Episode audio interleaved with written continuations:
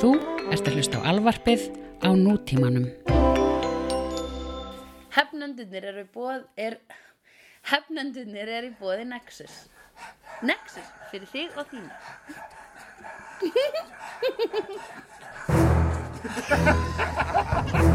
Segðu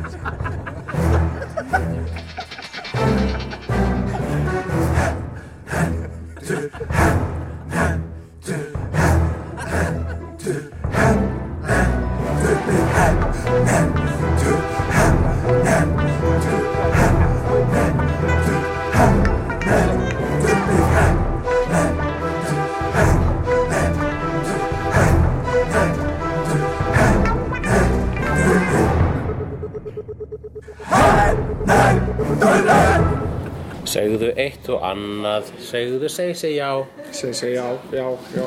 seg, seg, já, ok, það er, það er mín, mín rödd skerst jafnvel enn betur í gegnum lofthjúpin.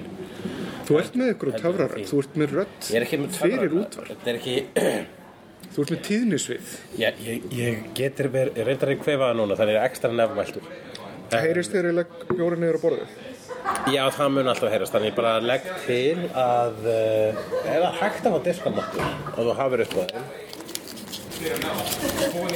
En uh, ég held að við gætum, já, þú gerir þetta bara svona, ég ætla bara að leggja minn bjór alltaf ekstra varlega frá mér þannig að ef það kemur svona, svona þossið njóðhygg þá er það vegna þess að ég er að einbæta mér að öllum mætti að leggja bjórin frá mér. Uh ekki svona, Jón Ár Sæll. Komuð uh, Já, við uh, hefnendurnir erum stattir utan dýra að svo stötu búin að taka upp eina mínútu og fjóra sekundur af efni og um nákvæmlega ekki neitt annað en það starrend að við erum að reyna að fá rétt hljóð og það að mín rödd heyrist betur en rödd ævars sem að er í rauninni kotti raddana Hæ?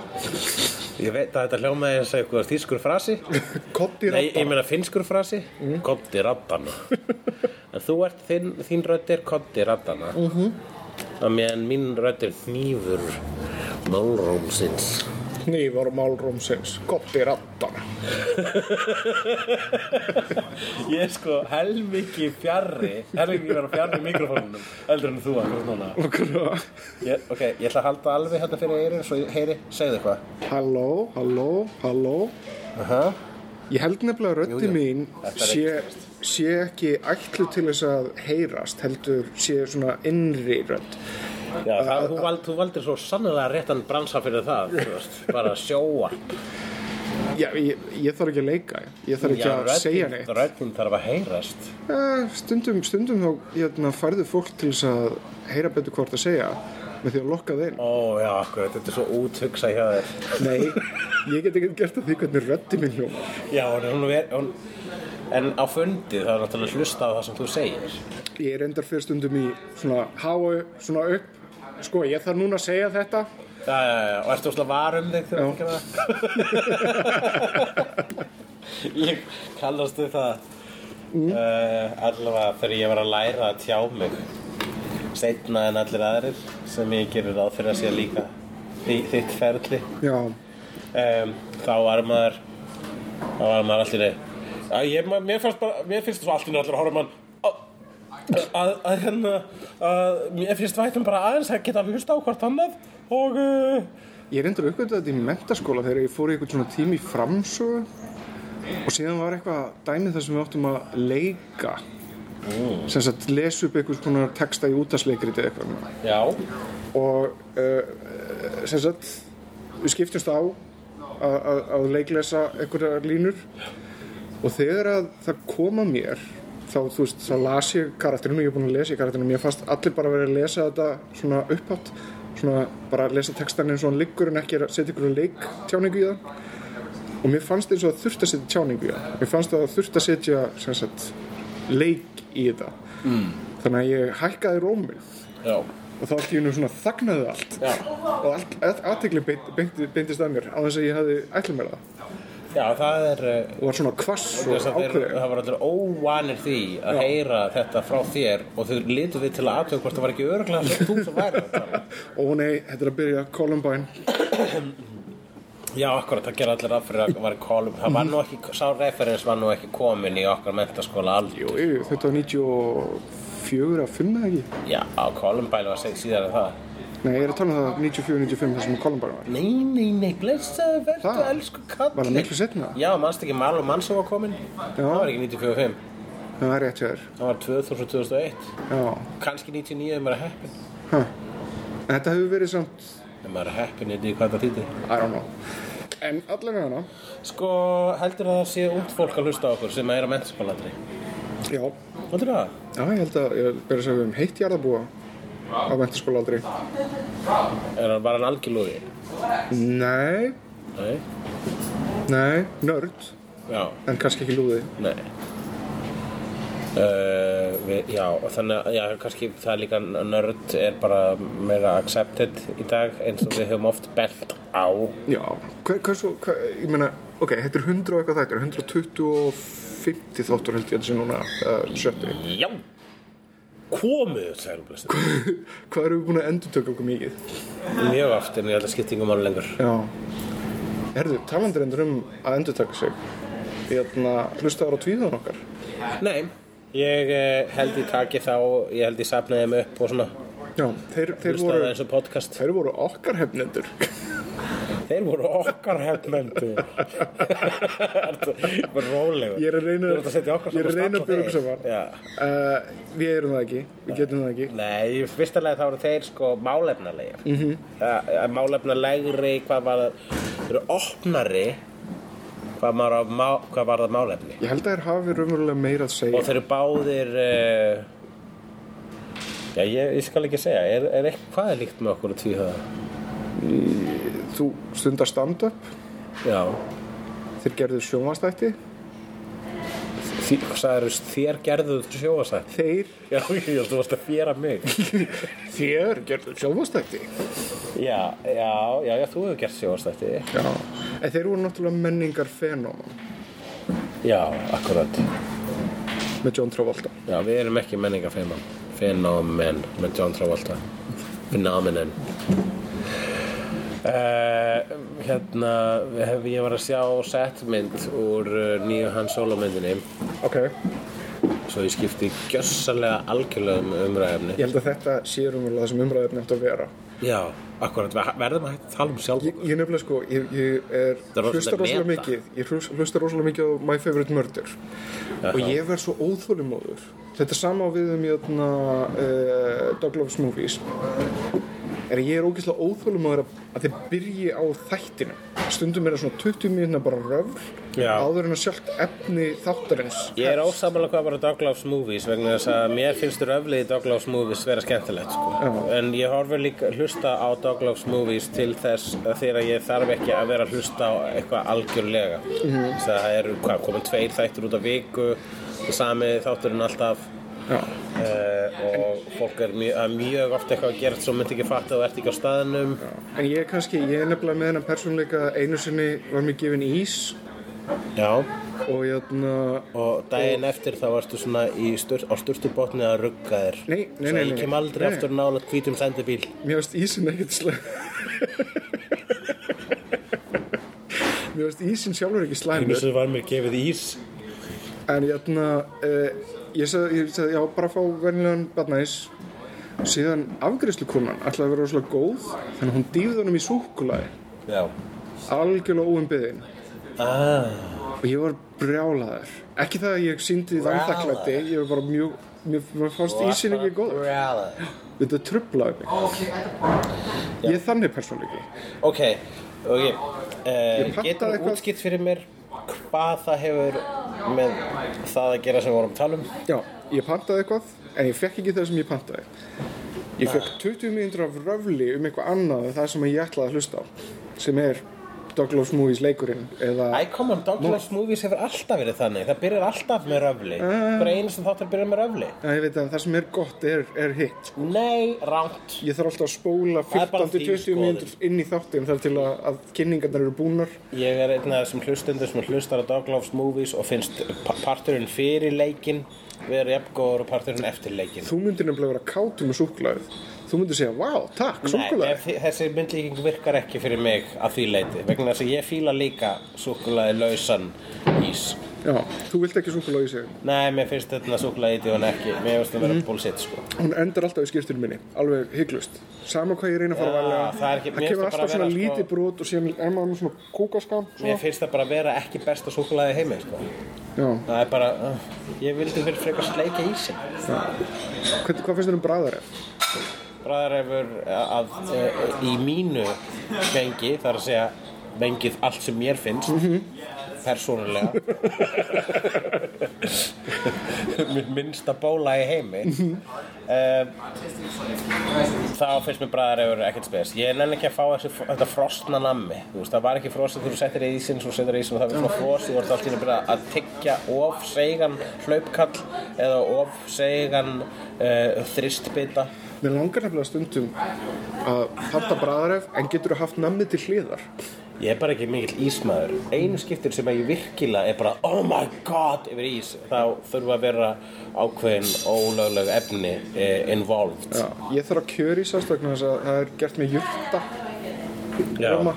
Og hvað Ég með mjólkuróþol. Já, alveg rétt, þú ert með mjólkuróþol. Ég gleymi því alltaf, en ég man það samt alltaf. Alltaf þegar einhver segist vera mjólkuróþol, þá heyri ég þína rödd segja Ég er með mjólkuróþol. Ég er bara alveg rétt, að ég verða með svoleiðis, ég verða með það. Næst er í bíðunum í ostaveislu.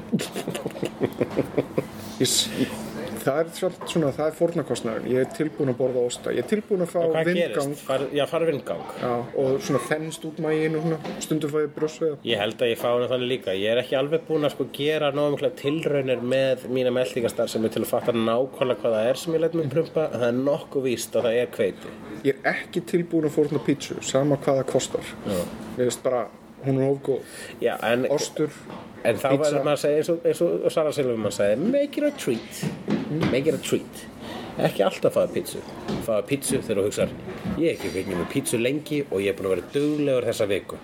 Að þessu sögðu Þú sást settfótó frá hann solo. Talandi um- Já, við uh, viljum beðast afsökunar á umhverfisljóðum uh, það er uh, eins og við vitið sumar og það er þetta blessa sam-íslenska Íslands, Íslandingins í fyrstekinn sem segja sam-íslenskt og Íslandingur í sömu setningunni. Ég gera það samt til að koma að mörgum S-um að. Hvað er mörg S í því? Þú farið verðlun ef þú taldir þau. Verðlunin eru sjálfs ánægja hvað er mörg S í því? Allavega, það sem ég vildi eitt, hafa eitt, eitt, eitt, svona Af hverju fer fólk til útland á sumrin? Vegna þess að þú veist, þetta er eina góða sem við höfum á Íslandi. Æ, come on. Er íslenska, íslenska sumarið. Þetta er næs sumar. Já, en það er einmitt það point, það sem ég ætla að fara að segja. Þetta er að sam-íslenska samvöskubit Já. er það að get að vera að líða illa yfir því að vera innandyra þegar að veðrið er gott þessa örfáu daga uh, ársins sem það er gott. Já, en, en það er nefnilega meira þess að á sumrin, í hásumri þá er ekki örugt að það sé gott. Nei, þess meina- vegna förum við til útlanda bara til þess að verða ekki fyrir vonbriðum já, en við getum Við erum að líka forðast vonbriðið með því að fara til útlanda. Pældi því, það er það, það sem er að vera Íslandingur Já, en ég meina, ef þú færir, til dæmis skilur, þú veist, september, oktober í bara svona fullblón haust í Ítalíu. Þá ertu að fá alveg drullu gott viður sko. Bara alveg megasól og meganæs aha. Uh, er ekki skynsamlegast þeim að fara í sólalöndin þegar þú ert svona á dimmasta tíma ásins Ég held að það Janúar. kallast, ég held að svarið við þessu er sumarfrí Já, Haustfrí er ekki eitthvað sem að gerist og gengur. Akkur eru bundin sumri í þessum málum? Ég finnst þú ættir að varpa þessi spurningu á eitthvað sem er ekki í alvöru vinnu Sem að- er í alvöru vinnu Ég. Veit að þetta er eitthvað tengt skólunum Já, ég, ég er ekki rétti maðurinn. Ég fer út þegar ég Já. allt í henni nenni að fara út. Þú, þú ert náttúrulega engum bundin Ég er engum bundin frelsingin Ég er frelsingin Frelsingin ég veit að yfir stundum býið til orð. Um, að því sögðu börn að tala upphátt. Getið þið ekki bara hugsað Þú erum að tala við hvort annað. Þið er ekki að segja neitt annað við hvort, þetta viti hvort annað. Að það sem er að segja er bara mjög heimskulegt og takmarkað vegna þess að það er ekki nei, það ætla ekki að fara út í það. Allavega, hann solo. Hann solo.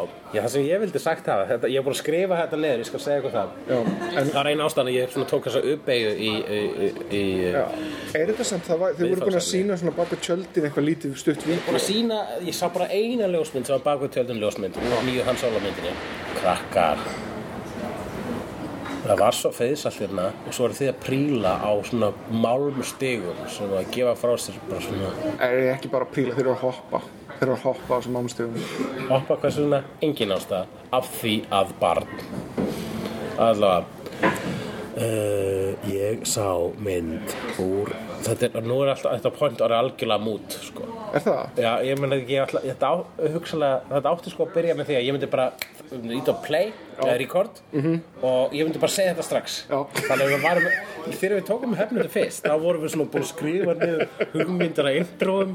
Núna erum við bara, æ, við kjörum þetta bara eitthvað neginn en, Jó, uh, bókstala spurður áðan af Þrandi sem er hérna baka gluggan uh, veistra með okkur hérna, já, eru þið búin að undirbúa eitthvað og svona eru bara tilbúin eða Hælti því að þessi þáttur verður bara ég að reyna að komast að pointinu með hann solo. Nei, við getum ekki gert það núna. Ef það hefði verið ómið þetta, það hefði verið skemmtilegt. En núna þú ert búin að segja þetta, þá getur þið, þá getur þið ekki gert það. Það er fræðilega möguleiki. Ég get, ég get gert það sem er í mjög valdi til að láta þetta vera conceptual þátt um að koma sér ekki að efninu sem að fyrir hluti allra hefnenda þátta er. Nei, við, við höfum skýrt markmið í huga. Og það er það að við fórum á Já, við ætlum ekki að tala það strax. Ok. Hérna Ég sá hérna uh, setmynd úr nýju myndinni Hans Han Solo þar sem að leikari sem að við erum ekki búin að læra nafnið á leikur Han Solo leikari sem að leik Aaron mjög eitthvað, fín- eða Aaron mjög fyndi eitthvað. hlutverk í eh, nýlegri uh, Coen bræðramynd Já. og svo er það uh, Donald Clover sem að leikur Lando Calrissian gott og fucking blessað en Hérna, ég sá mynd af sér svona gamlum svona skóartrúper svona eins og við þekk þekktum á Return of the Jedi.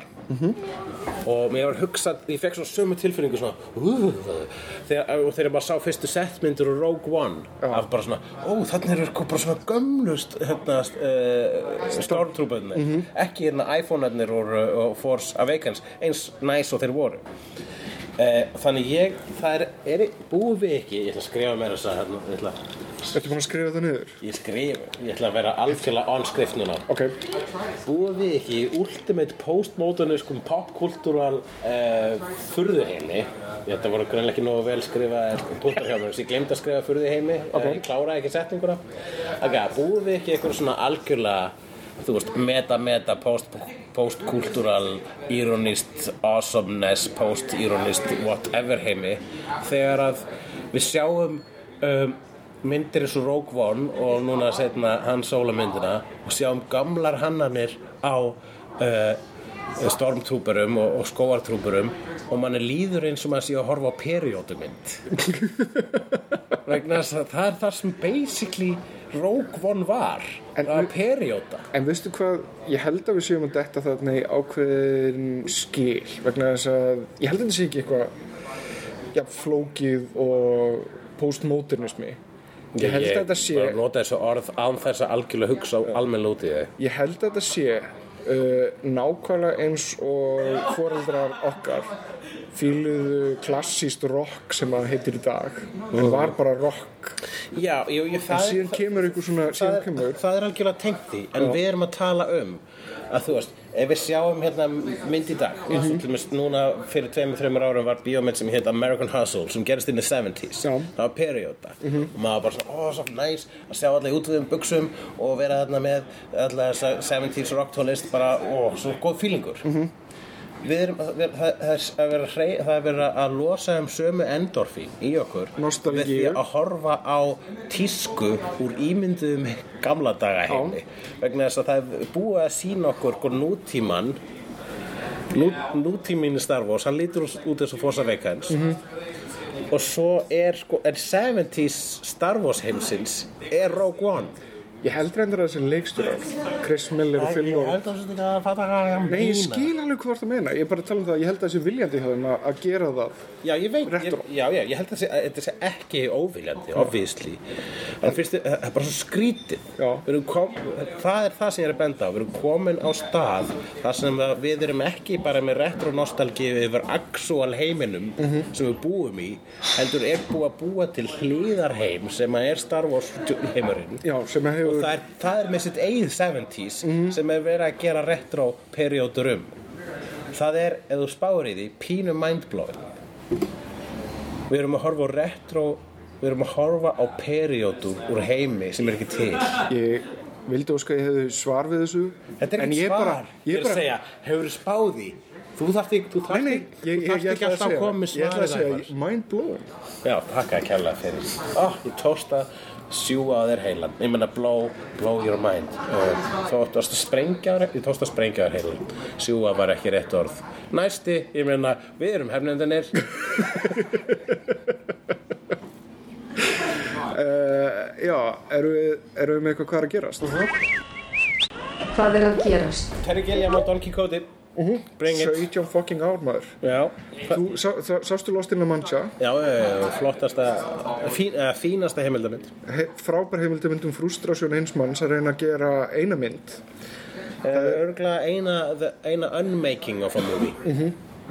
Og uh, maður finnur svo til með Terry Gilliam út í gegn. Og það var hann að reyna að búa til sem sagt bíómynd um Don Quixote. Terry Gilliam myndi mig á í myndinni Lost in La Mancha sem fjallaði um það þegar hann er að reyna að gera myndinu um Don Quixote og allt sem hann getur frá úrskeiðis fyrir úrskeiðis. Og þegar hann er hérna á einu tímabili að horfa á allt setti sitt skólast í burti í stormi og flóði. Lér konungur. Ha, ég hugsa um Lér konung sem var sem sagt í Lér konungi þá náttúrulega vill hann sem sagt að, að sinir sínir sem sagt reyfur já, dætur. Það voru sinir en það voru dætur í endurkjörn já, það nei, það voru dætur uppalega og síðan voru menninni þeirra og annars slíkt sko. Ó, ég horfði á svo mikið en það voru sinir í ran. Af- Það voru sinir í ran. Já. Já. tölum frekar um ran, þetta er ran. Þetta er eins og í ran. En akkur skiptir það máli Vegna þess að það er ekki sinir nýr dætur í, í Nei, hann er að reyna að ná fram vilja sínum uh, í gegnum sinni sína en síðan fyrir allt til anskotans og síðan endanum er hann einn öskrandi í, í, í storminum niðurlæður og, og, og, og, og allt farið til anskotans og hann missir vitið. Já, já. Fann, ég fann fyrir þeirri tilfinningum akkurat í þessu stormsinu þar sem það hefur verið að skólaspjörn bara brotin maður. Það voru dætir í, veistu það, ég held að ég hef sér meiri svona afbakanir af lér konungi, ég heldur hann actual, ég held að ég hef aldrei sér actual lér konung, merkilegt Shakespeare. Mm. en uh, já, ok þannig að basically allt sem fór úrskeiðis fór úrskeiðis, en hann var svona, ég veit ekki, minna þess, það var ekki eins og hann var að erfa þú veist, hann var að sjá um þetta. Já. en hann er ekki bent lér konungur vegna þess að hann var við stjórnvölun allan tíman Já, en ég menn það er samt örlugin einhvern veginn er kannski nói, nei fyrir ekki jóp þetta sé bara svona það er, bara örlugin einhvern veginn taka allt á honum.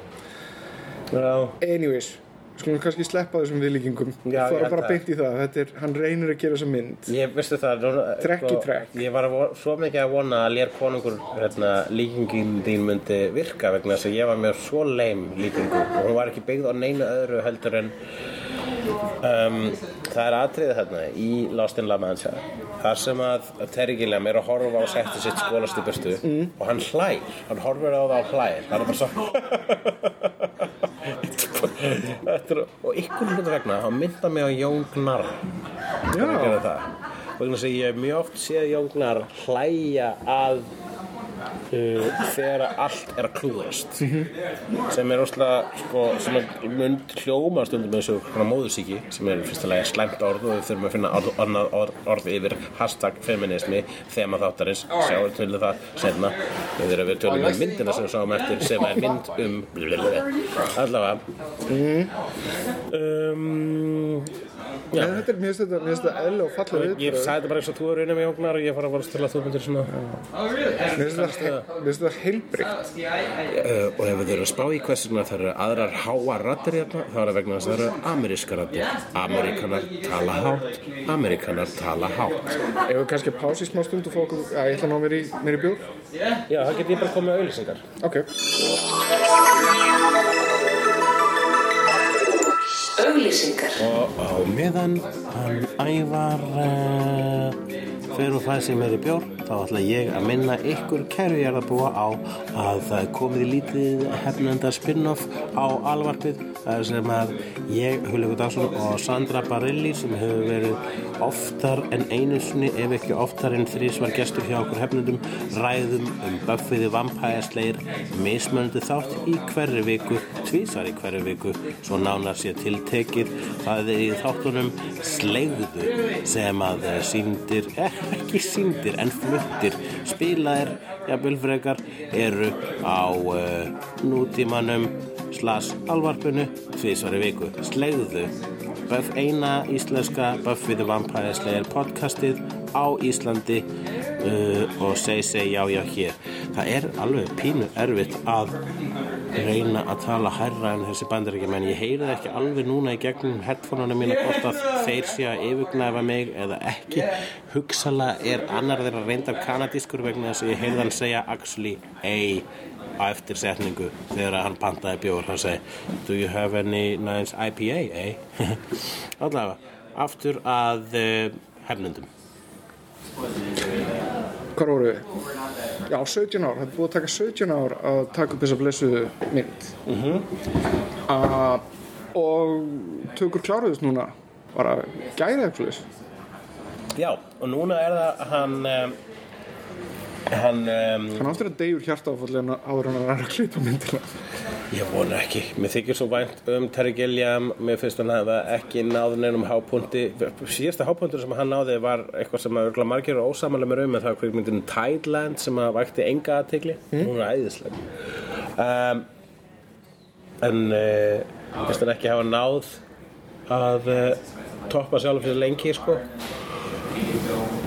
En uh, ég vona að þetta verið gott og ég bið ég bið fyrir honum hvað heitir hann aftur sem að leikur já, þetta er bara stól órum mér hvað leikur aftur uh, Kikóta núna Ég er ekki viss. Jú, það er hann leik, sem leikur í Brasil og leikur í Nei, hann dó frá verkefninu þannig að þau þurftu að fá nýjan. ha, Já, hver dó?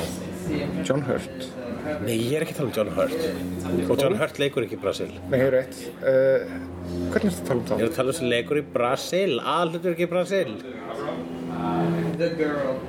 Ó, það eru ég er að búið að öskra á viðtækin as we speak Það er bara stólið úr mér. Sko, kom, kem, koma kannanir aftur. Þeir bara svona garga á hvern annan. Hvernig nennir ein þjóð þessu að vera á þessu leveli sko. Veist. Jesus, þið líta með þessu eins út. Báðir með svona mullet eða svona indie mullet aftan úr úrum sínum. Ok Herri, núna er að labba saman í sem átt ok, flott okay. ég byrst forlats hann heitir hérna hann leik líka, hann leik, leik líka hérna, prestin í Game of Thrones hmm. ég verði það internetaði þetta.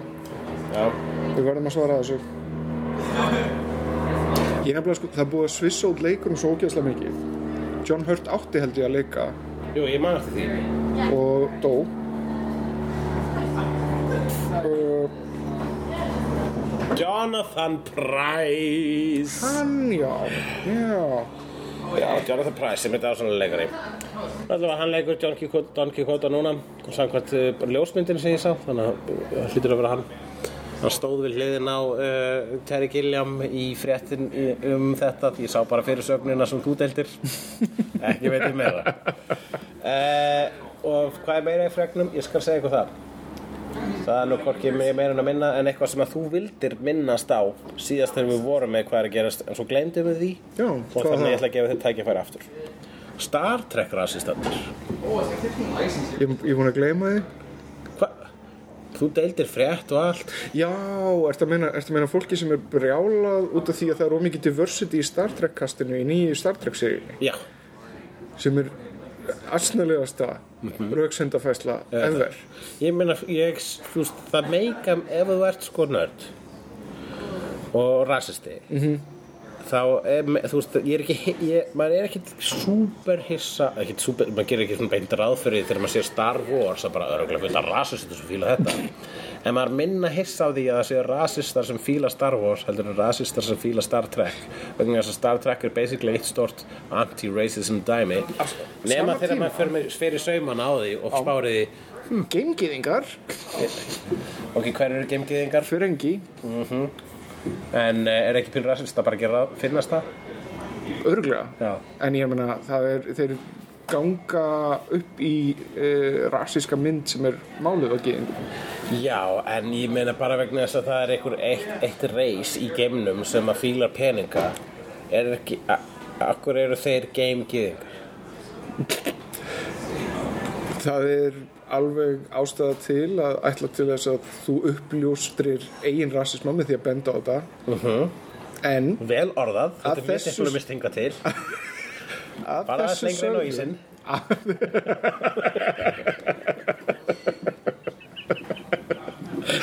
Að þessu sögðu þá náttúrulega, þú veist, það er rasismi skilur, þú veist, er með alls konar skilgring á því hvernig fólk og þjóðir og, og, og, og, kynþáttir eru. Og ef við skoðum bara Star Trek í heilsinni þá eru íbúar plánutu allir eins og fylgja allir sömu hugmyndafræði og eru allir á sömu línu. Já. það er mjög einsleitt þegar við vitum það til þess með plánutuna jörð að fólk fylgir mismunandi trúabröðum, mismunandi skoðunum og hefur mismunandi lífstíl Hvað, Hvaða þjóðerni eða eru uh, vulkanir? Ég ætla ekki að, Nei, gerða bara, þú veist, gerða bara ó, ég, ég, Humor me. Ha, þeir, þeir Ég skal eru, gera fyrir þeir, þeir eru svolítið Japanir ég ætla að segja þjóðverjar Þeir- svona nákvæmir, en Japanir eru held ég kannski betri. Þeir eru svolítið Japanlegir, þeir eru mjög mikið í svona kimono legum fötum og uh, ská yfir skáegir, þeir eru skáegir Finnst þér ekki- Ég trú ekki að ég ætlaði að taka þessa kúlu og þú bara tókst hana frá mér. Nei, ég er mér rast en þú. Finnst þér ekki Leonard Nimoy vera svona pýreyður allan? Ef þú ert að tala um augabrúnirnar hans þá nei. Það eru augabrúnirnar sem eru þarna dum og sem er einmitt ekki á Japunum þegar auðvitað eru Japanar ekki með vulkanskar auðvitað Nei, og, þeir, og engin eh, þú veist, ef þú veist að tala um hérna, hvernig augu á asískum kynþáttum eru skárri skárri, já, ég skal I'll take that, þau eru skárri en okkar. Eh, þá eru augun á þeim sem að leika vorkonum sem eru gjarnan hvít fólk stundum svartir. Mm bara allavega einu sinni svartir ef við ætlum að taka two Walkie Voyager með eh, sem við ættum að gera þetta vegna þess að hann er ah, ok, ég er að fara á þetta ísinn núna allavega Myndir ekki segja að þetta sé alveg kortir í japanskan auksu? Æ, er að sýna þér mynd af Leonard Nimoy. mynd af Spock og segja, ertu, myndir ekki segja þetta lítið japanst út ertu genúinlega að fara þangað? Já, ég er að sjá hvað, hvað kjast upp með Býtu, Já, hann lítur ekki út fyrir að japanskur Nei, ég var að tala um svona siði þeirra á kúltúrin mm -hmm. og þú bara, já það er rétt, þeir eru svolítið skáæðir Þeir eru með svona svona, svona, svona, sen-filosófíu reynda meira byggð á logic heldur en heldur en að að östurlensk uh, filosófía Ég er nefnilega að reyna að svo ég muna. segi, svo ég hljómi eins og ég viti hvað ég er að tala um. Ég get svo svarið það nefnilega Ég man eftir að einhvern tíman hafi Leonard Nimoy leiki í Yellowface. Ég er að reyna bara að muna hvar Það getur vel verið bara, ég, mér er alltaf hugsað til Yellowface svona í hérna, Cloud Atlas sem að ég var sem að merkir að nokkur ekki vafa samasta ákvörðin Wachowski sískinuna en, Systrana. Já, sýstar hennar núna ætla ekki fara lengur út á þá braut. Við erum í post-PC heimi. Er það? Pínu Ok. okay. PC hefur gerst nú þegar Já, en ef við post hvernig eru heimur, ok, við skulum ekki eins og hérna en hvað eru þá klingunar? uh, Þjóðverjar eða vikingar? Víkingar eru örugglega meira, sko. Mm, þeir eru svolítið mikið Þeir eru með svona valhallíska eða val dullir lélur íslendingur Þau eru mjög með mjög uh, uh, snorra ettulega góðafræði Já. Og mjög stríðsþekkjandi. Já, Já hei, það er heiður í þessi, Það er bara romantist vegna það er löngu dauður veist, dauð hugmyndafræði þannig séð sko. Getur þið verið kannski svona nær mongólum eða eitthvað? Já, ég var að vonast til að þetta mongól orðið hefði endað öðruvísi bara svo að þú veist, við verðum fara bara algjörlega út fyrir uh, þægendarama Anyways, ég held Nei, að... ég, fyrstu, ef að ekki, þú veist, þeir, þeir, þú veist, þeir eru pínu, eða svona fundamentalískir. Já. En, ok, ef við, ef við samt Eru þeir ekki bara mjög næs útgáfa af ISIS? bara svona með bara skrumpaðri enni og, og, og romantískari Já. Uh, já, ég meina að þú pælir í því reyndar klingonar eru náttúrulega ábyrgir fyrir alls konar voðaverkum. Ef, ef, ef að hugmyndafræði eru stríð og þeir eru, ekki aðalega því að berjast og drepa fólk. Er ekki mótrið Já, þeir hafa meiri heiður en það. Já, þeir vilja berjast, þeir vilja horfa í augun á þeim með, með. Þeir var til þess að móti geringavopnum sko. Já, og, og, og efnavopnum. Það er engin heiður í því. Alveg eins og Woman. Það er cool sko Ok, en já, en að pointu okkar var það sem að við, sem að sko, ef við komum bara engan rétt á að e, varpa fram núna er það að hei, Star Trek snýst um að vera ekki rasist þannig að hætti þið Herðu, já, við ætlum að fara í yfir nýjan þátt Já. sem að þú stakst upp á. Ah, Sem- Á hvað er þetta Nexus? Já, ná ekki heiti það, þetta er hvað keftur í Nexus? Já, En ég dætti hugan að geta heitið Hvað keftur í Nexus í gær? já Hvað keftur í Nexus í gær? Og þá má hvorki segja já eða nei eða svart og hvít Ok, hvað keftur í Nexus í gær? Ok, uh, ég uh, kefti mér bók um Art Nouveau Bóka Martin og Vó Það er rétt huh? Þetta er sem sagt svona Hvernig var letrið í henni á lendin? Það var dögt uh, og mjög læsilegt. Já. Damn it! Ah, hvað keftir þú fyrir Hvað keftir þú í Nexus í gær? Ég kefti mér uh, 30, rock bo 30 rock box set. Já Og uh, á Blu-ray eða, Það var á DFFD DFD Ertu ennþá með DFD? Ég er ennþá með DFD Ertu ennþá með DFD spilara? Ég er ennþá með DFD Vegna þess spilara að DFD spilarinn minn hefur ekki virkað núna í fimm ár. Ég hef ekki notað DFD spilarinn minn lengi. Ég, nota, ég set DFD diskara minna í Blu-ray tækið mitt. Ok, ok. Í annað af mínum En þú ert með dedikerað Blu-ray tæki á saman tíma? Ég er með tvö Blu-ray tæki. Tvö Blu-ray tæki? Einmitt. Tvö Blu-ray tæki? Vegna þess að ég vil geta spilað öll kerfin. Ah, Og það er ekki hægt að fá spilara sem er svona multi eitthvað? Ég er með eitt spilar sem spilar taknokku kerfi og annar sem spilar uh, flest kerfi. En sameiginlega spila þeir öll kerfi. En þú getur 30 rock box set Kifti 30 rock box set þar að segja alla er svona box með öllum þáttunum af 30 rock eftir Tínu Fey á, í einum pakka. Og fleiri. Það var ekki bara Tina Fey sem skrifaði þetta. Að Fey er höfðingin, hún er foringin Vissulega. Ætti ég að fara að tellja upp alla hina rithöfunduna eða alla hina höfunduna á uh, Dirty Rock bara til að gera í góð skil? það er alveg satt. En Ef að eitthvað sýnir fram á það að eh, höfundar, sjóastættu höfundar eru óttaleg grei sem er ekki skilið að fá nafni sitt á kreditlistan þá er það Dirty Rock. Það er einn stór ádela um það En, eðna, já, ok, uh, keftir eitthvað fleira? Einnig kefti ég eh, Star Wars sokka Ah, hvernig eru þeir litni? Lit? Þeir eru afar dökkir Afar dökkir? Dökk, dökk, dökk, dökk, dökk, dökk, bláir.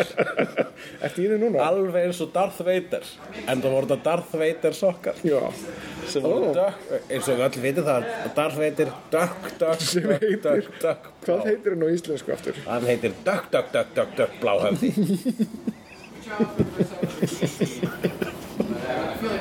En er þið bara með semst, andlitra honum eða stendur Star Wars líka? Það er merkilega við þessa blessuðu sokka þeir eru öllu bjánulegir í hönnun en ég kann að meta þið bjánulega en það fánaberi hins bjánulega Þeir eru með andliti eða réttar sagt grímu uh, dökk, dökk, dökk, dökk, dökk, dökk bláhöfða framan á sér Ok. á, sem að fer af sköflungnum og niður á rist Já. en aftan úr uh, sokkagatinu sem að segir Sokkagatinu. Já, það, Ah, Anskoti Ég sé títist þarna En ég verð satt að segja, mér langar að spyrja þig beitur Artin og bóbækina Það var actually skikja á sokkunum ok. En skikki á sokkunni. það er svona lítil skikja sem fer frá opinu niður á og það meikar ekki sens vegna þess að það var myndi ekki meika sens nema það væri bara líka með svarthöfða Þú ert með svona, þú ert með svona utanlíkindi skikki á sokkunni. og það er ekki eina, utanlega, það er ekki eina uh, skikk, sokkaskikjan sem hægt er að fá í Nexus ég sá að það var líka hægt að fá Thor sokkarskikju Ó, næs. já. segð mér frá þessari Arnur Vóbók og núna máttu segja já og nei Uh, ég ætla ekki að gera það.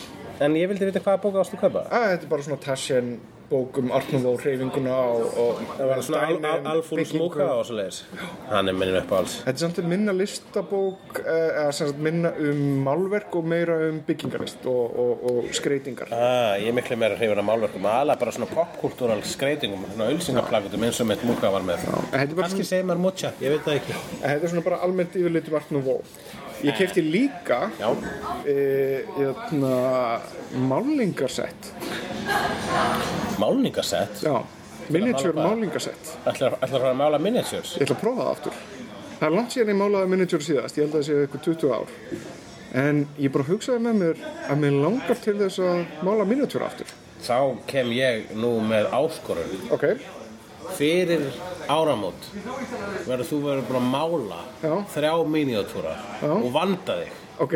ekki tekið með að þú bara svona drífðir þig Ég, myndi aldrei, aldrei mála það aðeins að vanda mig. Það er, er aðal punktur með þessu. Nei, ég bara kannski myndir þú reyna mála það bara að sleppa að vanda þig bara til að vinna þessa áskorun Já, þetta er bara, fyrir mér er þetta bara svo ótrúlega mikið senn. Já, það er æðislega, ég er ekki góður í því Já. og ég, mitt senn er ekki þar mitt senn er í því að hanna plakut Það er næst. Já, það svona næst, alltaf þegar vinið mínir eru með tónleika eða, eða, eða uppistand þá bara má endilega fleia verkefninu á mig ef ég er ekki að deyja úr stressi við að vera upptekið við eitthvað annað. Og það, það fyrir mér er það eins og að prjóna að setja saman svona öllisengaplakat í Þú þurfur að vera grafískur hönnuður á auðlýsingustofu. Nei, guð, ég, ég, þá það myndi taka allt kikk úr þessu, það myndi eiðilegja það fyrir mér. Þetta er eins og að hafa gaman að því að prjóna og sér allt í nú byrja að vinna við það að prjóna Já, maður, maður er að gera til að róa sig, ekki til að fá borga fyrir það nákvæmlega. Ég, hérna, en þetta miniatúrmálingadæmi, ég, sko málega það, ég líklegast til ekki að fara að spila með þessa miniatúra. Þannig að ég get þá verið að pikka sko úr Warhammer línunni, Warhammer 40 línunni, bara fundið eitthvað svona dót sem ég veist sexy. Hvað er sexy? Hvað? Þú er Nei, þú, Mm, ég veit það, það er ekki Herðu, það er komið að á hvað ertu að glápa slash hvað var það? Málefni dagsins Málefni dagsins. slash Á hvað ert að glápa? árætti, hérna, já við fórum á Nexus fórsinningu á Wandrúman. Já, Uh, það eru spoilerar framöndan en ekki alveg strax. Við slum aðeins svona, ég segi ef þú ert þeir gaur eða, eða gæla mm. segjum að e, lætur spoilara þig varðar hægt að hlusta núna nei, nei, nei, nei. Jú. Fyrst skaltu heyra hvað okkur fannst um myndina almennt og síðan skulum við fara í dítila. ég, sko, ef ég er bara Ég mæli með myndinni, hún er ógslag góð. Já, já, ok, ok, þá, þá, þá er hann ævar búin að því En ég persónulega, ég vil ekki eins og vita hvað fólki finnst um mynd áður en síðan Uh, já, ég veit að þú ert með skrýtnar uh, svona, það má ekki einu svona Mér finnst bara þú, þú leiðilegt minnir mig á, þú minnir mig á þáttin af IT Crowd þar sem að það skelvilegasta sem að kemur fyrir Roy er það að hann, hann heyrir að því að það er twist í myndinni. Já, það er ekkit, veistu það, það er bara ógeðslega fucking eðlilegur hlutur til að reyðast út af. Vegna þess að aldrei segja mér að þessi twist, þau töluðu um þetta í Master of None. Já. og það var, ég var bara svona, takk.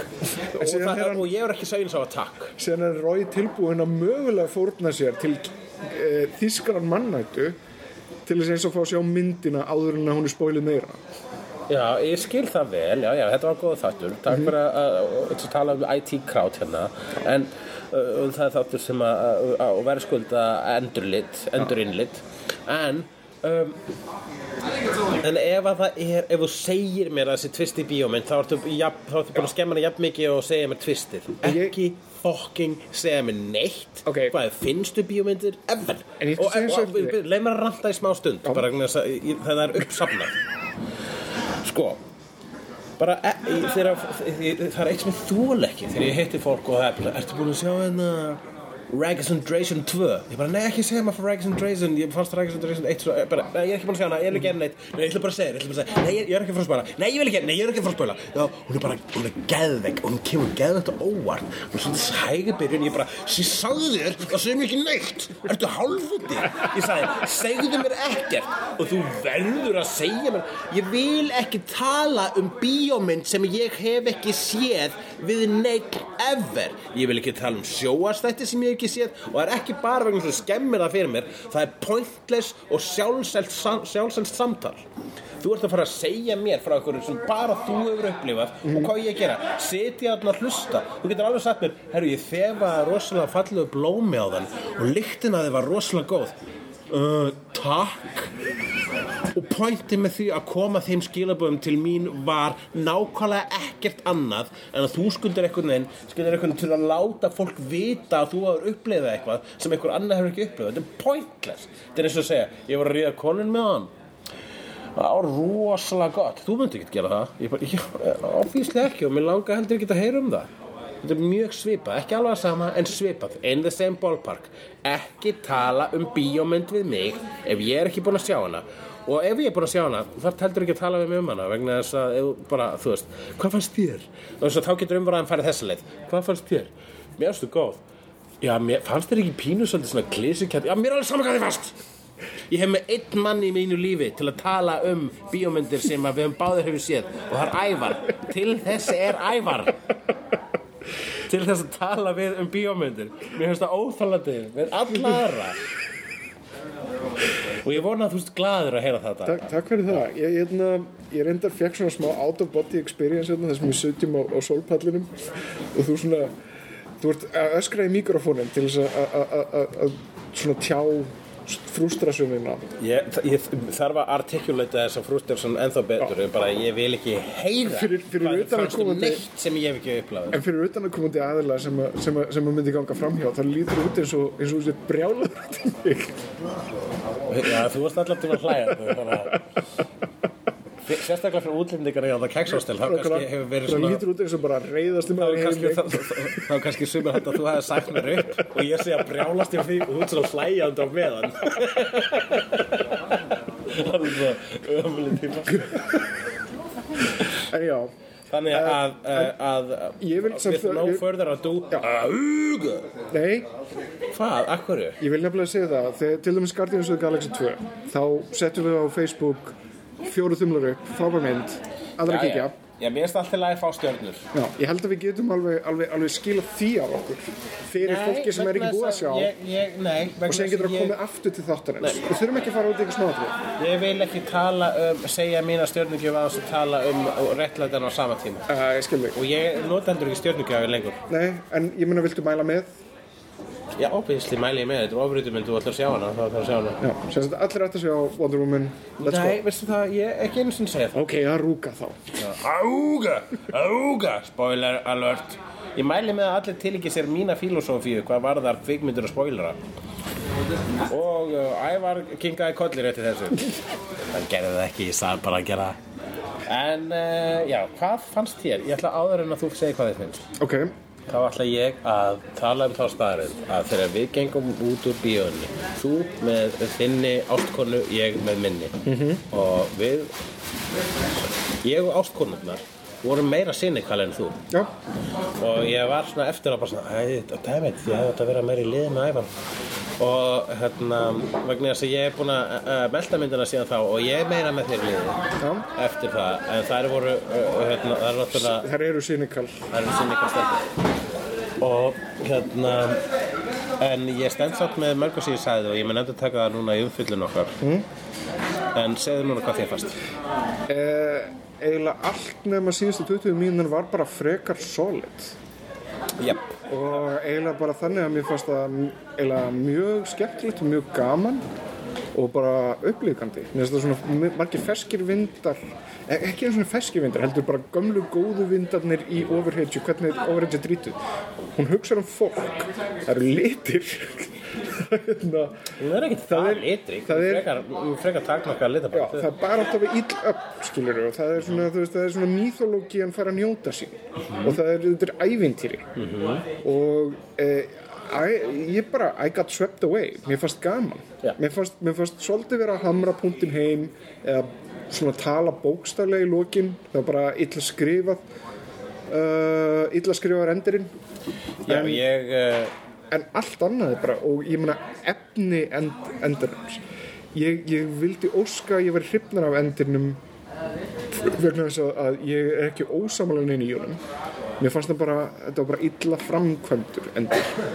Já, ég persónulega skal segja hversuna ég var svona, ég gekk út af myndinni með nettum vonbröðum mm. það vegna þess að ég var búin að byggja mig svolítið mikið upp og líka vegna þess að, að, að, að, að, að, að ég var með, mér fannst það sama slægt við hana og þér fannst. Og það voru síðustu 20 mínútur Uh, þannig að þegar ég gekk út af henni þá var ég bara svona þá var bergmálega ennþá endurinn af henni í mér. Og það er nefnilega galli við þegar þriðja akt er verra en fyrstu tvö aktin. Já, það er það að þú gengur út með það þú gengur út með loka nótuna uh, pældi samt í því að þetta er eiginlega hún er eiginlega perfekt nákvæmlega fram að augnablikinu þar sem hún stingur gaurinn í gegnum þakið þarna. Já, já, ég, ég það bara, er bara allt, allt, pop, allt spot on. Þú þú ætti ekki að segja mér að pæli því vegna það er það sem ég var að segja. En, en það er svo sem gangum, gegn, gegn gangandi þema í gegnum hefnundur. Og síðan heldur þú, hún ert, áfram. eh, þú segja mér hvað ég var að segja nema þú segja eins og þú varst bara svo einu sem pældir í því. En uh, það, gerist alveg time. Það gerist alveg time að ég segi bara og þá segir þú en þú eru spáði að við viljum ákvæmlega sem þú sagðir ég bara, já það var nákvæmlega sem ég sagði Gæti þá kannski hugsast að þú segir það ekki nógu vel? Nei, ég segja bara ekki nógu vel fyrir þig Takk. eða þú, þú útskýrða fyrir öðrum hvað ég er að segja við höfum rætt þetta aður Það ég, ég segi taglænið á vídeospólunni og þú lest aftan á vídeospólunni ég segi fyrir mér Hefnættur. Taklan og eins aftanarspól. og taglænið er á Critters er They Bite og ég bara, ok, það er myndaskrimsli They Bite, I get it. Þú segir, að koma svo skrimsli og þau eru að ráðast á fólk. Og þau býta þau og geta þau og ég bara, ég Það er veit. lítil, Ég hlóðraskrift. sá mynd af skrimslinu og það stöndur The Bite. Það er eina sem ég þurfti. Já. Það, það mætti halda jafnvel að þú værir myndasöguhundur sem að notar myndmálmikið uh -huh. og ég inni við það að skrifa lengri texta. Já. Það sem að sko, jú, það er með lýsingu. það er vafalust útskýringin á þessu. Ég veit ekki hver orsökin eða afleiðingin eru hvað þetta allt saman varðar Já. en hver er mér getur En við erum, við, við erum oft trakk, þú ætlar að segja uh, meira um það hvað Já, þið finnst. það bergmála í mér þessi loka þáttur og þetta var saman loka þáttur og er e, banabiti margra ofurötu mynda það er það að þeir fara overboard í loka bardaganum og reyna að klára það með því að láta þetta líta út eins og besti bardagi ever og það er ekki hægt að gera besta bardaga ever lengur vegna þess að við heima þar sem við búum að gera besta bardaga ever að skræljón sinnum. Besti bardagi ever er ekki lengur merkilegur. Nýjasti besti bardagi. og í þetta skipti þá var hann ekkert spes. Persónulega fannst mér ekki einu svona fyrstu 20 mínútunar heldur góður mér fannst eiginlega allt á milli fyrstu 20 mínútuna og síðustu 20 mínútuna gott. Ég fannst Þemiskýra sem er eigin sem að hún um, uh, Wonder Woman kemur frá vera boring. Hét hún ekki samt Paradise Island í það er náttúrulega bara hallarislegt. Þú getur fara að kalla þetta Paradise Island Þetta hljómar er svo bara raunveruleika þáttur uh, Þemiskýra hefur líka komið í myndasögunum Mhm. Ég, ég er reyndur ósamlegar þar. Mér fannst þetta, mér fannst þetta Amazonu samfélag heillandi. Já, fannst það, fannst að heillandi heimur þar sem að allir, allir eru án kýmningáfu og tala eins og í Shakespeare leikritir nema án Shakespeare orðaforða Já. Já, fannst þér það búslega heillandi Þú varst bara, you must not fight Diana, she must fight we must teach her to fight That is not honorable Þetta It er- is honorable Ble, ble, ble En hér kemur, hér, hér komum við raunverulega að sama vandamáli og er í síðustu 20 mínútum. Þetta er illa skrifað, en mér fannst heimurinn áhugaverður í þar Já. heldur en... Mér fannst það mjög gott, fyrir utan hvað það var illa skrifa Já, ég veit Er það, það að segja það? Sko, hugmyndunar sem eru í gangi þarna eru áhugaverður heldur en bara átt á einhverjum flugvelli.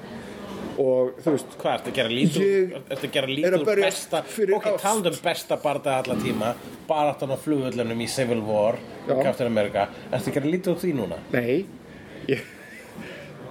Nei, Ok, hvers vegna varstu þá að gera lítið úr því? vegna þess að ég sagði líka ég berst fyrir ástina en þú berst fyrir hatrið tala Það er um enginn sem talaði þannig í Civil War en fólk talaði nánast þannig á Já, ég þemiskinu en þegar þú kemur á flugvöllin í Civil War þá er uppsöfnuð gremja og hlýðar og saga öll að gerast já. vegna alls sem hún séð fram að því Já, augnablik. Það. Þetta er ekki það sem er að gerast Ég skil ekki ekkur það, það er svo gersanlega, það er svo ólíkir hlutir þegar að ætti er hann ekki að bera það saman flugvallabarda Ég held að það sé kannski það sem ég er að segja er það að, að flugvallabardaginn í Wonder Woman var innihaldslaus út af því Já, að ég er ekki að tala um það, ég er að tala um eiguna, þemiskiru Já, en í þemiskýru Já. þá erum við með kynningu á samfélagi kanna sem eru stríðsinjur og, og Já. atna, eru cool ass bitches og eru að gera Já, það er, bara, það, shit það er allar rosa sætar og rosa hérna kúl Já, og við erum að kynna til sögunar Rosa hérna góður að berja Já, og það er að kynna til sögunar díunu sem hefur mikið áhuga á þessu og við sjáum það að, að mamminar er ekki sátt við þetta. Og síðan erum við að fá smá góðafræðina og samingi og svona. Mér finnst það svo Disney teiknum frá 50s Já, það er alltaf lægi Nei, mér finnst það ekki alltaf lagi vegna Það er bara þetta, það boring. þetta ídýlíska samfélag þar sem allt er í lægi Já, og síðan kemur flugvél. tvisti, láttu eitthvað skemmtilegt gerast. Síðan kemur flugvél með Steve Trevor inn og síðan bara allt í hennu eru, eru, eru brót og nazistar Það leiðilega, eða það, það íróníska við það, þessa eigu í byrjunina á byrjunina á uh, og nú er ég bara að tala út frá sára mér á uh, Wonder Woman er það að hún að e, er ekkert hún er bara svona algjört snor þangað til að kalling mætir En hvað ef þetta er ekki fyrir þig? Já, það skiptir ykkur máli, ég er að tala um Hvað mig ef þetta eru fyrirmyndir hvenna? Hvað ef þetta eru gælur að gera cool hluti og það tengja kannski við er annað heldur en þig? Hvernig er það cool öðruvísi en það kunna slást? Já, ekkert að kunna slást, skilju, það, þeir kunna hrefa sig og vera hestum og skjóta í hluti og, Okay, hvernig er það cool öðruvísi en vera góðar í öllu líkamlegu? já, umhyggja.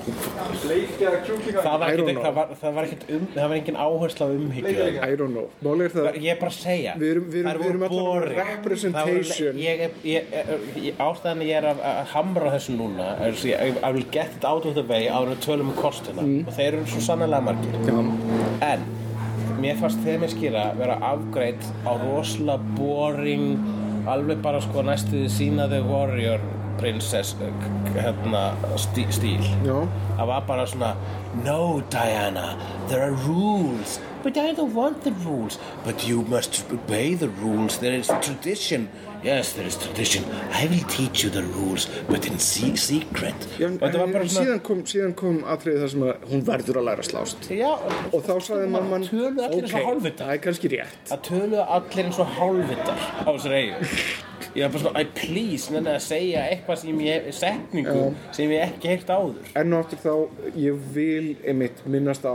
léleg skrif fyrir Guði og Amazonur og Guðafræði. Ok, Það en málið er að þú er í, í rétt, það er rétt. Stundum bara þegar þú ert að taka hanska fyrir þessu og segja Þetta er náttúrulega illa skrifað og talar eins og það sem illa skrifað sé afsökunin. Nei, nei, nei, málega það, þú veist, ok. Þú, þú talar ekki það, mig, þú talar bara level, svona- það Já, level, Þú verður náttúrulega aðtöku það, þetta er illa skrifað. Já, ég veit Ó, það. ég spa- fattaði það ekki. En hulli, Ó, það eru level af illa skrifuð. Er þetta illa skrifaður heimur og illa skrifaður karakterar? Það er eitt. Er þetta illa skrifaður dialog Er þetta illa skrifaður Já, reglur? Ítla skrifaður dialog Já.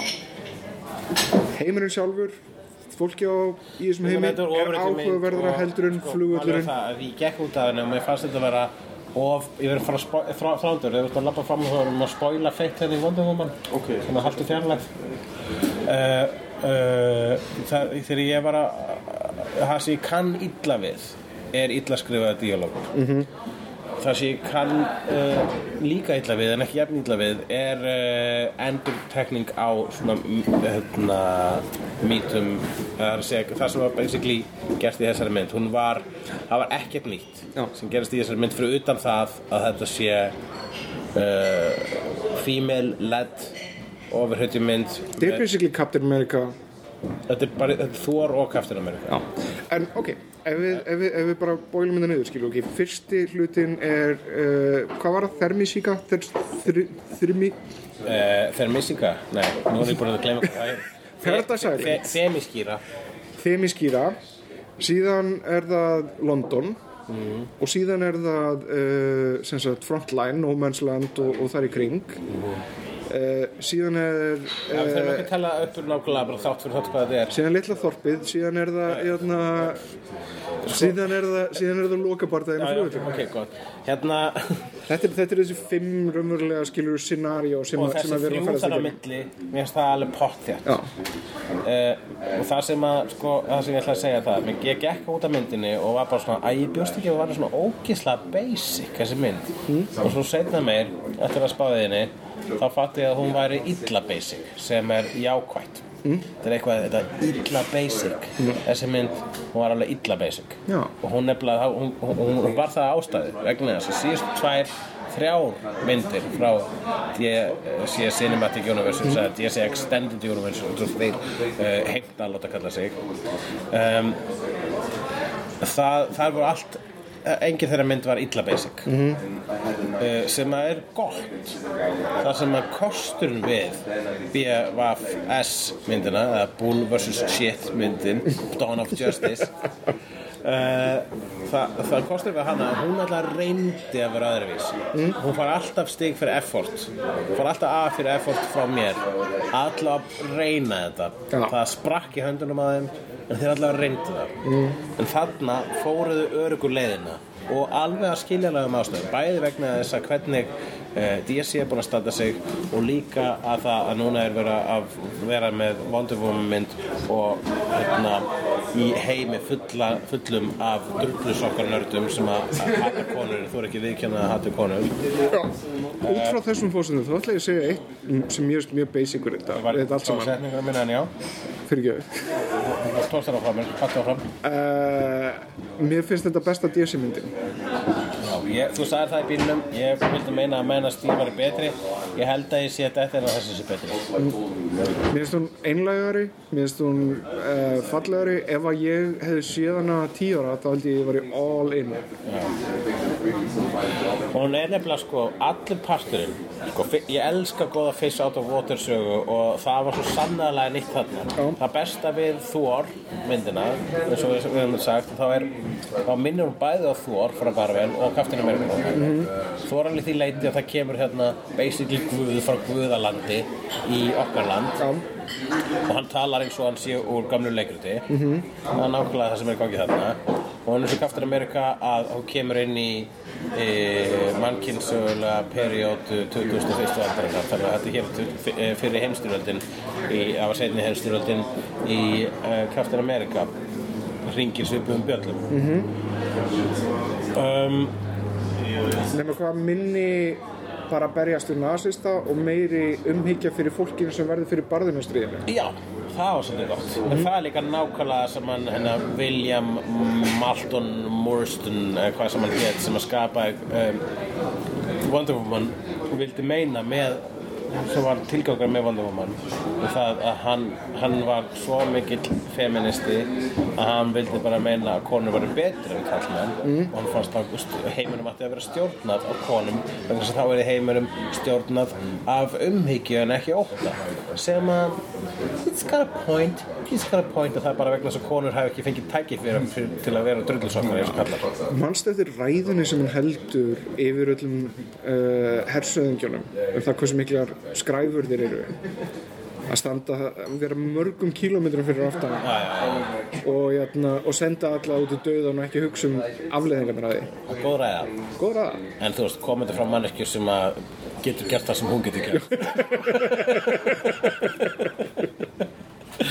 En hún er awesome. Gal Gadot er awesome. Hún er það, goddammit Hörðu, eitt nefnilega með það að, að uh, Gal Gadot var frábær sem Wonder Woman í BFFS uh, hún var bara freka fín þar en hún fekk ekki mikið að gera og að hluta til að virka hún svolítið svona skringilega á mann einmitt vegna þess að hún var svo forn einhvern veginn og skrítin.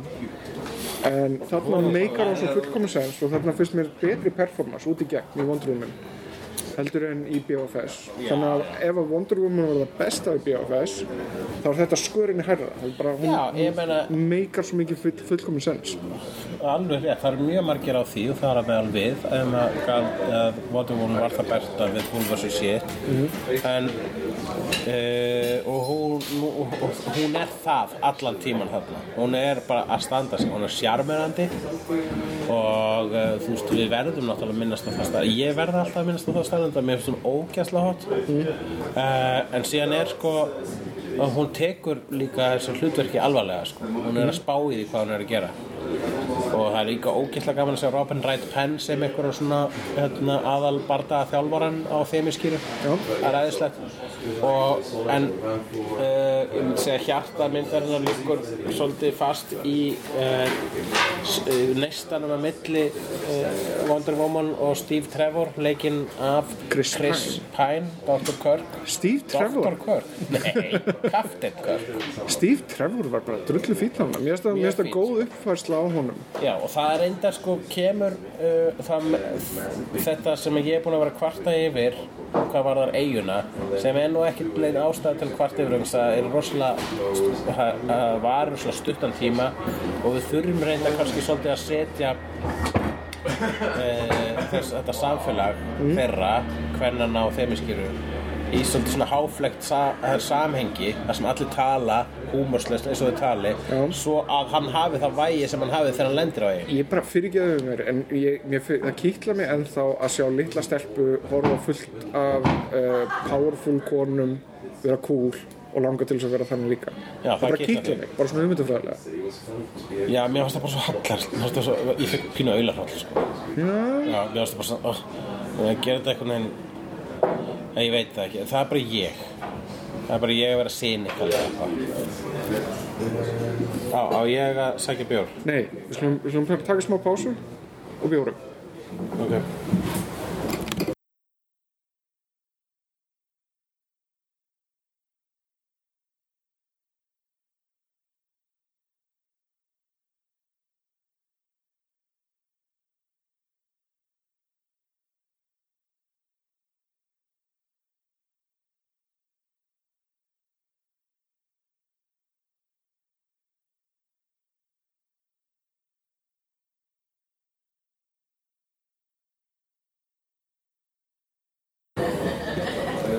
það sem ég vildi sagt það var sko að hann kemur þarna hann Chris Pine og hann er strax orðin það sem í upphafi lítur út fyrir að vera comic relief mm. þess að fyrstu brandarinn í myndinni eru hans og ég var alveg bara svona feministinn í mér var alveg bara uh, þetta er glada að hann sá fyrsti sem er eitthvað fyndin í þessari mynd en, uh, en síðan uh, er það ekki það að hans fyndni mundi ekki vera neitt ef ekki væri við með, fyrir mótvægi Gal Gadot. -hmm. það er að segja Wonder Woman. Hún er, hún briljant streitmann. Hún er briljant streit hún er, já ég myndi ekki eins hún er alls ekki streitmann, nei.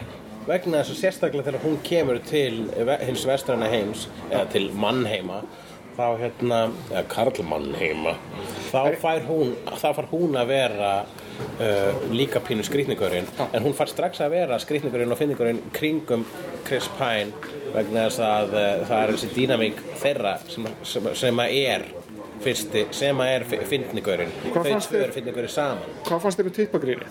það er gott, það er mjög gott. Það er svona, þú veist, þessi, þetta er náttúrulega samfélag sem hefur ekki séð kallmann í þúsundur ára. Já, það er náttúrulega, hashtag náttúrulega Og síðan kemur einn Allsber Chris Pine sem að vil endilega koma þeim skilabóðum. Allsber, sko. Já, hann fór náttúrulega úr og, og fór í náttúrulega lögur. Hashtag náttúrulega. Eh, og hérna náttúrulega. Þar sem að hann eh, er Allsber og síðan gengur hún inn á hann og hún sé sprella. Náttúrulega í fyrsta skipti fyrir ekki, ég er núna að gera þetta viljandi það er ekki alveg jafn svona organist. Ég segi bara hashtag náttúrulega í hljóðin alveg jafn náttúrulegt. Uh, og síðan tekur við svona svona orðalegja grín. Það sem að verið að meina eitt en, en, en það hljómar eins og annað. Og það heldur síðan áfram að bátnum líka. Jú, jú. Hva, hvað fannst þér um þetta interplay? Ég, eins og ég sagði, mér fannst það gott. Já, En þú þurftir að lesa aftan á alla vídeospóluna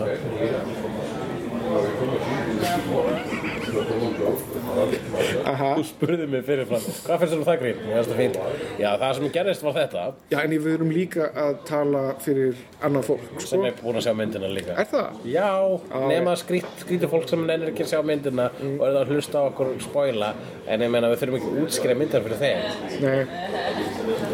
Ég fannst þetta pínu svona Þetta var, þetta var til dæmis hluti sem ég var svona ah, Jú, málega það, ég hefði actually viljað sjá bara hluta mér sem ég var nýbúin að að hlusta, að horfa, að lesa. Það var svo margt sem að gera með skinnfærin sínu ég var nýbúin að lesa hérna uh, Garth Morrison útgáfun af, af, af Wonder Woman það sem að á eiginu þemiskýru er meiri karla fyrirlitning. Vegna þess að þær eru, eru sko rauninni að fela sig eða bara basically að bara búin að losa sig frekar við heim fullan af uh, karlavaldinu sem er ekkert nema ofbeldi og, og pissu keppni og þannig að þú veist, það er ákveð karla hatur eða karla fyrirlitning á þessari eigu ég hef vilja verið að sjá meira af því í þessu en ég skil alveg að það var ekki gert því að þá hefði sko, karlrembur farið að grenja og það er ekki tættulegra heldur en uh, grenjandi karlrembur. Þeir eru reyndar nú þegar byrjaðar að grænja Já, vissulega, þeir eru strax byrjar að grænja Já, það er reyndar gaur núna sem búin að fara í mál við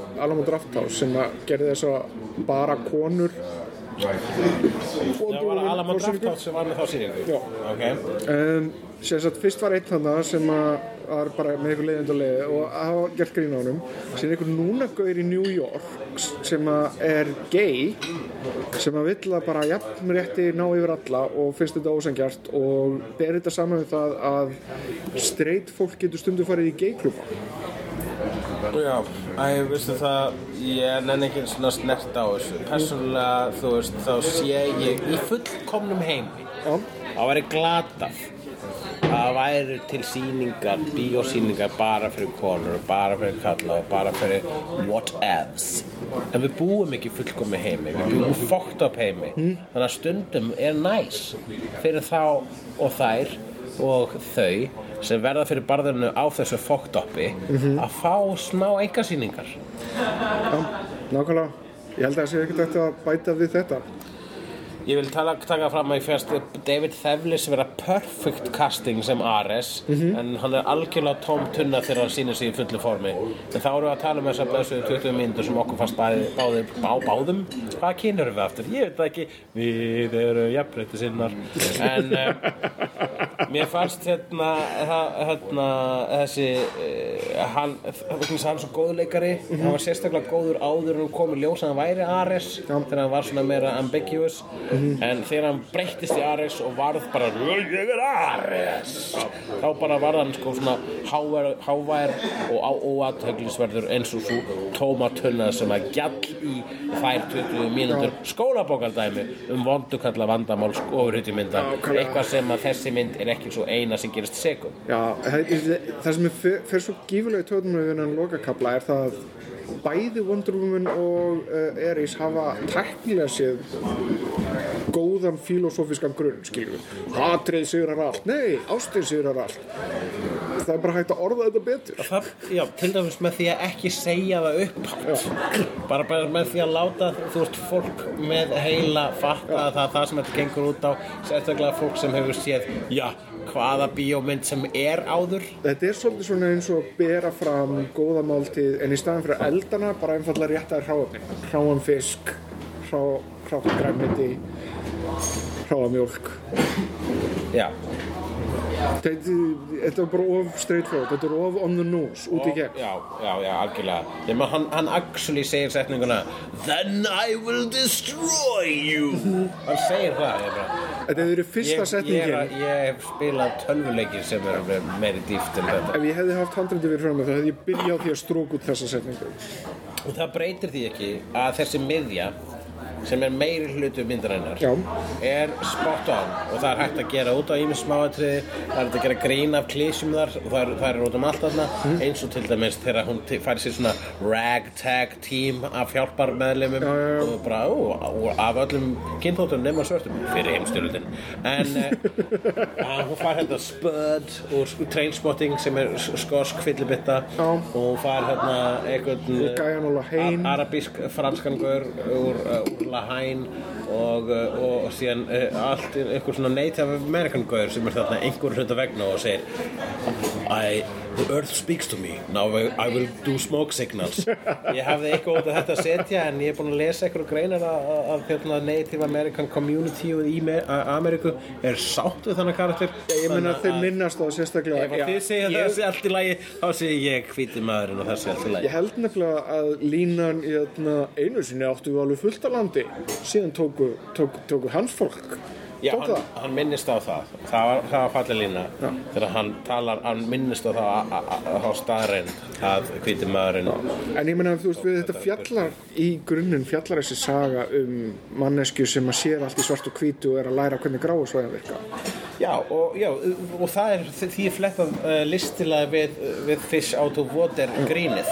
Og það er mjög gaman að sjá hana í London að vera að átta sig á hvernig vestrænt samfélag virkar. En þetta getur verið ástæðan fyrir því hverju þessi, þessi síðustu 20 myndur virka ekki er vegna þess að í staðan fyrir þessa, þessi gráusvæði þá allt í nú verður það svart og hvít Já, já, já þannig, þannig að þetta fyrir fram og tilbaka alveg 100% samanlega þar. En það var bara síðasta lemmi lemmi í myndinni. Já. lemmi lemmi í mynd, miðjumyndarinnar sérstaklega þegar hún er í belgiska þorpinu. Gæðvett næs. Spot fucking on. Betra en margt sem að Marvel hefur sendt frá sér. Mhm. og þess vegna uh, er, ga það er bara svo gaman að þetta skildi vera myndin sem er að bjarga DC og, og þá kemur að því sem að er aðal máli við þessa mynd. Ég er bara gladur hún sé yfir meðalagi Mhm. vegna þess að þessi mynd er líka game changer Já. af augljósum ástæðu Patty Jenkins leikstjóri já, Kvenkins leikstjóri á ofurhugjumind sem kostar 150 miljón dollara og hefur slegið gegn allan með box office, fengið 100 miljónir dollara á fyrstu helgi og 122 miljón dollara við svegarum heimi. Þetta er, svo gaman að þú actually fylgist með þessum tölum sko. Já, ég veit það, þetta, þetta, þetta, þetta er raunverulega svona in your face, gaggart þessum studio executive sem eru búin að halda þið fram allan tíma að kvenkins ofurhugjumind get ekki gengið og upp. þetta er líka eina sem skiptir máli það var bara, þú veist, jafnvel þótt hún hefði verið alveg drullað þessi mynd Já. þá skiptir það svo miklu máli að hún halaði en pening Mhm. og hún halaði en pening og þetta er mynd þar sem að stelpan fær að aðalhlutverki og stelpan fær að leikstýra og það mun gera það að verkum að það verður gert aftur. Ég meina, come on, Logan hefði því gerst, hefði Deadpool ekki fengið pening. Mhm. og þetta er bara að sorglega. Þennan heim að það peningar ráða öllu Já. en það er svo gaman þegar þeir gera, gera eitthvað svona verkum Pældu samt í Patty Jenkins vegna þess að hún gerir myndina Monster með Charlize Theron. Um Eileen Wurst eða hvað hann heitir hérna raðmáðingjan mm. þess að Charlize Theron gerir sér ljóta og, og, og, og vinnur Óskarsölun er meira svona make-up fólk sem gera hann að ljóta. Já, hún, ég held hún hafi fýtað sér líka hún var tilbúin allan að gangast undir það mm, já, ég, eh, hún skrifar og leikst þér þessari mynd sem er rock solid mynd um raðmanningja fer í Óskarsölun og svona. Hvað gerur hún fram að því? hún er aðalega að leikstýra einhvern þáttum í sjónvarpi. Hún leikstýri meðal hans Arrested Development þetta uh, en hún bara einhvern veginn hverfur í skuggan eftir að hafa gert mynd. Undir öllum meðlum kringstæðum þá hefði kallleikstjóri gert svona mynd og fengið fullt af stórum verkefnum fullt af verkefnum á sem lista. Að hún bara hverfur í skuggan Já, ég meina, Monster hala ekkert einn þannig mikið pening og eitthvað slags Nei, en hún halaði definitely nógu mikið pening. Hún er ekki gerð fyrir mikið pening. Hala ekki nógu mikið pening fyrir hún konum. gerð fyrir 15 miljónum dollara cirka og grætti það meira til sko. Að þessu sögðum. Þetta er, ég myndi segja þetta að Wonder Woman það er Bridesmaids uh, ofurhutu mynda vegna þess að eftir Bridesmaids hefur komið sko holskefla af uh, kvikmyndum um stelpur og kúkasi vegna þess að stelpur fengi ekki kúka sig í bíómyndum almennilega fyrir en að Bridesmaids kom. Og núna er komin loksins mynd þar sem stelpa fær að lemja uh, vondugalla já, og hún sló í gegn peningla, núna kemur hálskepla að myndum af ofurhundi stelpumyndum. Já, ég við erum með uh, Captain Marvel á næsta eða það næsta ári. Já, já, það var planað alltaf tíman en það var ma mistök Marvel Studios að gera það ekki fyrr. Og Ant-Man and Wasp kemur hann á milli. Jú, já, það er svona paramynd þú veist, það heitir Ant-Man and Wasp. Já. Uh, hvað erum við með undan? við erum með Electro, Catwoman Superwoman, Supergirl. Mm Allt eðal myndir ég hata Catwoman svo, svo rosalega mikið. Já, myndina þar að segja. Já, nei, Catwoman sjálfa elska ég en, ég, er ekki svona alveg- en þessi, þessi Pítoff leikstýrða drulla sem er svo ógeðslega ógeðslega slæm verðskuldaði hatað rassi ég hef aldrei hatað mynd jafn mikið, ég er ekki að djóka. Já, myndin er bara djók, hún er brandari. En hún er svo, hún er svo slæmur brandari. Já, það er það sem gerir hann góðum brandara. En þú, þú finnur fyrir svona ásetninginum en málega þá, fyrir mér fyrir nú tvo hringi. Fyrst, ég held í eitt augnablik að ég geti hleyjað henni síðan bara móðgáð mig hún móðgað mig trekk í trekk. Hún er bara svona, hún er fullur gæi í öllum veislum sem er með dólg og leit, læti og leiði hata.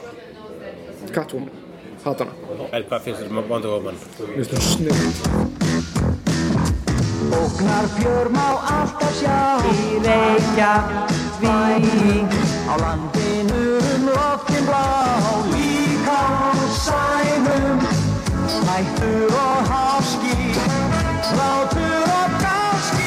Hefnendur Nú mann ég hvað ég ætlaði að segja í samband, þú ætti að vera nær Já, ok, ég er við erum hérna, við erum að hávarir en stað. Já, og, og ekki hreyfa bjórun og mikið kringum þessi viður leiðir. Kemur þetta þessi eftir viður leiðir. Já, kemur þetta eftir að undan hefnandabæ þetta kemur í, það kemur svona í viður fær svo hendur að En ok, þú varst að segja, það er eitt sem við glimtum Já, það, hérna við glemdum það sem ég ætlaði að segja ég var með einn punkt vegna þess að þú vildi meina að ég hef ekki verið ná jákaður í garmyndarinnar eða allavega eitthvað með það ekki? Og það sem ég vildi að segja er það að það sem gerir Wonder Woman að frábæri mynd er það að ég vildi að ég geti ímyndað mér hvernig það er að vera uh, þú veist stelpa bara svona lítil stelpa að horfa á þessa mynd í dag vegna þess að það er handfylli af kvikmyndum á sama kalaberi hvað varðar, varðar uh, kvenkins aðhlutverk að, svo, í svona gerð mynda. What a day to be a little girl.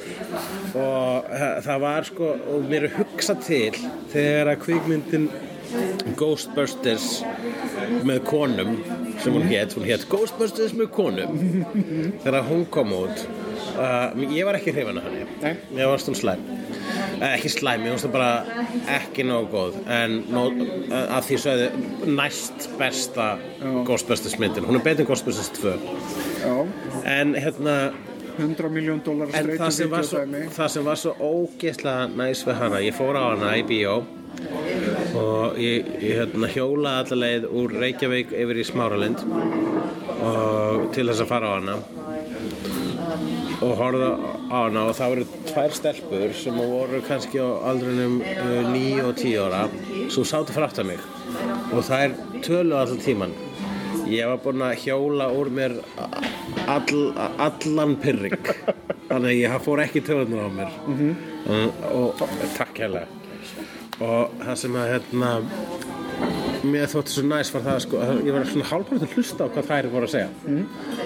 Og uh, það var eldri stelpan var að draga þá yngri í horfðu á þetta atrið, sjá þetta þetta er hæðislegt og það er, það er að stelparnir voru að lifa sér svo mikið í þetta og að eldri stelpan hafi farið áður af myndina. Myndina var ekki búin að vera lengi í bíó. Það sem að gladdi mig og það, ástæðan að Ghostbusters með konum mun alltaf vera svona að fá stig hjá mér eru þessar stelpur sem sátu fyrir aftan mig þegar ég var á henni vegna þess að þær voru að lifa sér svo motherfucker í þessa mynd. Og ég var svo glad fyrir þeirra hönd að það var til mynd fyrir þær þurfa, þetta er allavega eina var í, í þessi mynd er í minni hluta yfir myndir um prinsessur þar sem að konur eru í alveg mm. þannig að það var alltaf næs eins gaman að ég hefa prinsessur og, uh, og mér finnst þessi mynd vera bara mér finnst uh, þú veist Wonder Woman vera Sildu inn í þetta, það sem þú sagði við mig áður þú dróst upptökutæki. Já, ok, fyrir ekki. Bros barna Já, ég, það sem ég glemd að minnast á hvað varðar uh, Wonder Woman myndina er all þessi barnabros sem að hún mun framkalla og það, það er svo ánægilegt þess að segi, menna, þú veist, það, þú veist hún sló all uh, með ástæðu vegna þess að uh, það var loks, þetta var einhver ónýttur markaður í heilnir í deil hún sló öllu hún sló uh, aðsöknum með uh, sömu ástöðu og Bridesmaids gerði það. Það var bara svona fyrirgeði hvernig var í svona mynd með konum? Konum með að líka konum með líka, alltaf núna erum við búin að segja það. Bye. Þú finnur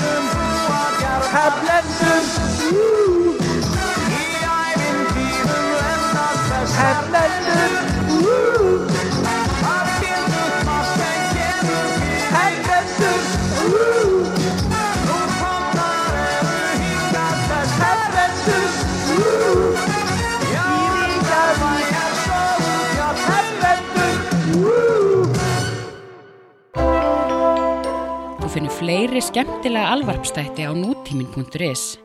Takk fyrir að hlusta.